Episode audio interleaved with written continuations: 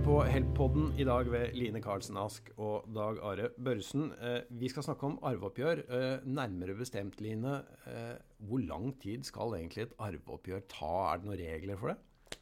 Ja. At et arveoppgjør tar jo ofte tid.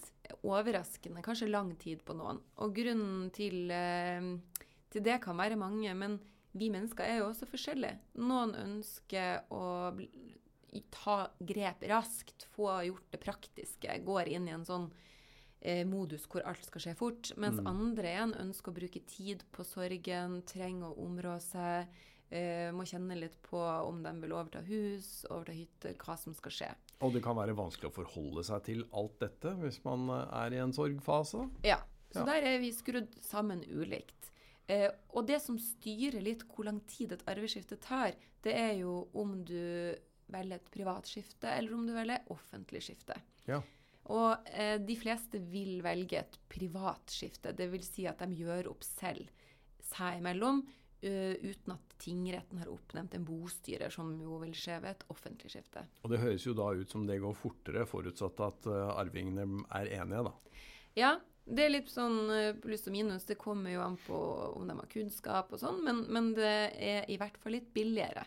For et mm. offentlig skifte vil jo koste eh, ca. 10 000 til tingretten, pluss at du må betale da timesprisen til eh, advokaten som er oppnevnt som bostyrer. Mm. Så det er nok billigere å gjennomføre et privatskifte. Eh, og du har også mulighet eh, til å styre ting litt selv etter avtale. For det er jo avtalefrihet på et privatskifte. Mm. Eh, men de, de, henvendelsene vi får, er jo gjerne ofte fra særkullsbarn som eh, ringer og sier nå døde han pappa for en måned siden. Har ikke hørt noen ting fra samboeren eller ektefellen. Hva kan jeg kreve, hva kan jeg gjøre for å få fremdrift? Nemlig dette er tilfellene hvor samboerne eller ektefellene ikke hadde felles barn. Eller det kunne de for så vidt også ha, men eh, la oss si at de ikke har felles barn, men den som døde, hadde egne barn. Ja. Eh, og da er du, altså Fellesbarn kan også være utålmodig, men ja. det vi kanskje ser oftest, er at det er særkullsbarna, altså avdødes barn, da, som er mest utålmodige. Mm. For de står jo kanskje ikke i veldig nær relasjon til lengstlevende ektefelle samboer. Mm. Så det er jo gjerne de som tar kontakt med oss og lurer på hva kan jeg kreve, hvor fort skal det her gå?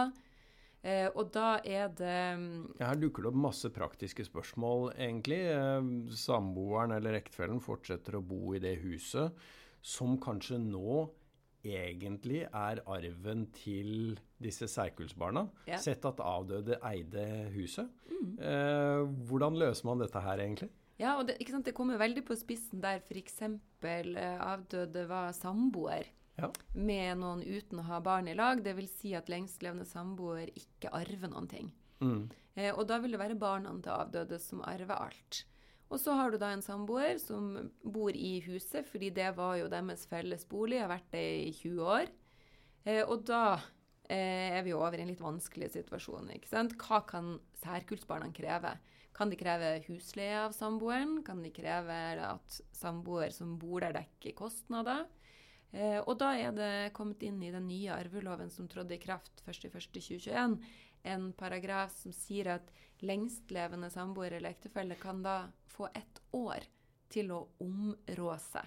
Mm. Og i løpet av det året så skal det ikke betales et vederlag for bruken. Det vil si at du ikke får noe husleie i løpet av det første året. Og, eh, altså, og, når jeg da sier ett år, så er det jo ett år eller fram til det er avtalt hvem som skal overta huset. Mm. For avtaler man etter tre måneder at lengstlevende skal overta huset, så er man jo good. Eh, men hvis lengstlevende trenger litt tid til å områ seg, så får man etter loven det. Og da får du et år. Men du, vent nå litt. fordi at eh, det kan være gjeld på dette huset. Mm. Eh, låneforpliktelser som løper. Vi vet at det er eh, eiendomsskatt i ganske mange kommuner. Det er kommunale avgifter osv. som skal betales. Hva skjer? Hvem har ansvaret for dette her nå? Ja, og, og, som utgangspunkt så er jo det dødsboet som skal dekke alle forpliktelser som avdøde hadde. Mm. I det øyeblikket du overtar til privat skifte, så påtar du deg jo alle forpliktelsene som avdøde hadde.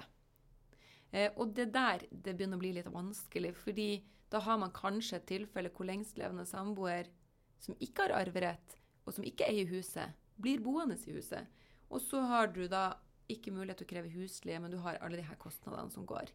Eh, og da gir det nok best mening, hvis vi ser på systemet, at du skal kreve at den samboeren dekker løpende kostnader. Altså Det koster jo å bo.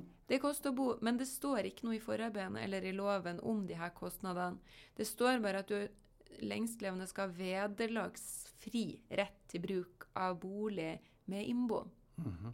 Og innbo kan jo være verktøyet i boden, det kan være alt av uh, møbler. Sånn at du kan ikke kreve at det skal deles før det har gått et år, ifølge loven. Så hvis lengstlevende ønsker å bruke litt tid på å summe seg, så har lengstlevende rett til det etter loven, uten men, å betale vederlag. Ok, men hva med bilen, motorsykkelen øh, og sånt? Ja, Bilen er også omfatta. Så lengstlevende har også rett til å fortsette å bruke bilen frem til det er avgjort hvem som skal få beholde bilen, eller hva som skal skje med den da. Eh, men i hvert fall et år. Ok, men Her ser jeg jo for meg at her kan det mm, brygge opp til konflikt. Eh, hvis eh, jeg er et fortvilt eh, særkullsbarn eh, som er i denne situasjonen at jeg eh, får ikke tilgang egentlig til den boligen jeg nå faktisk eh, har arvet, hva, hvilke råd vil du gi meg da? det som det framgår av lovteksten, det er jo at du kan inngå avtale om noe annet. Og vårt klare råd i sånne tilfeller det er at man må inngå en avtale om eh, hvem som skal betale for de kostnadene som går. Mm. Sånn at eh, det viktigste rådet vi gir til de som henvender seg til oss, det er at snakk med lengstlevende, inngå en avtale. Nemlig.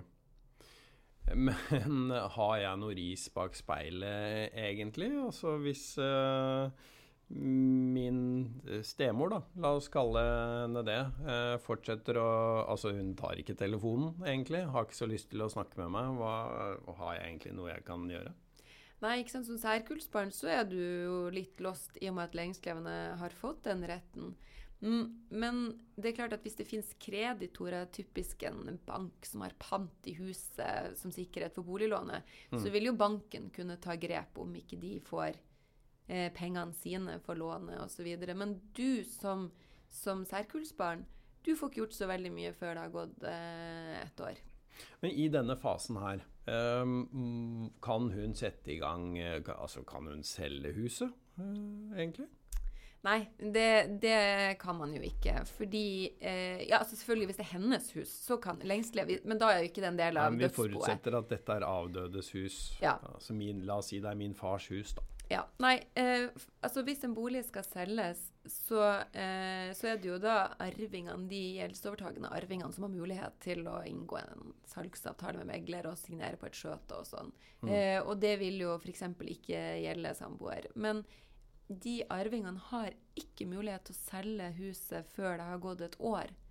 Ikke sant? Så de, det vil si, de har ikke rett til å få inn en uh, takstmann til å se på huset. De har ikke rett til å få inn en megler. De har absolutt ikke rett til å ha visninger i huset uten at lengstlevende som bor i boligen, samtykker. Sånn at alle de tingene er det jo også veldig lurt å avtale. Mm.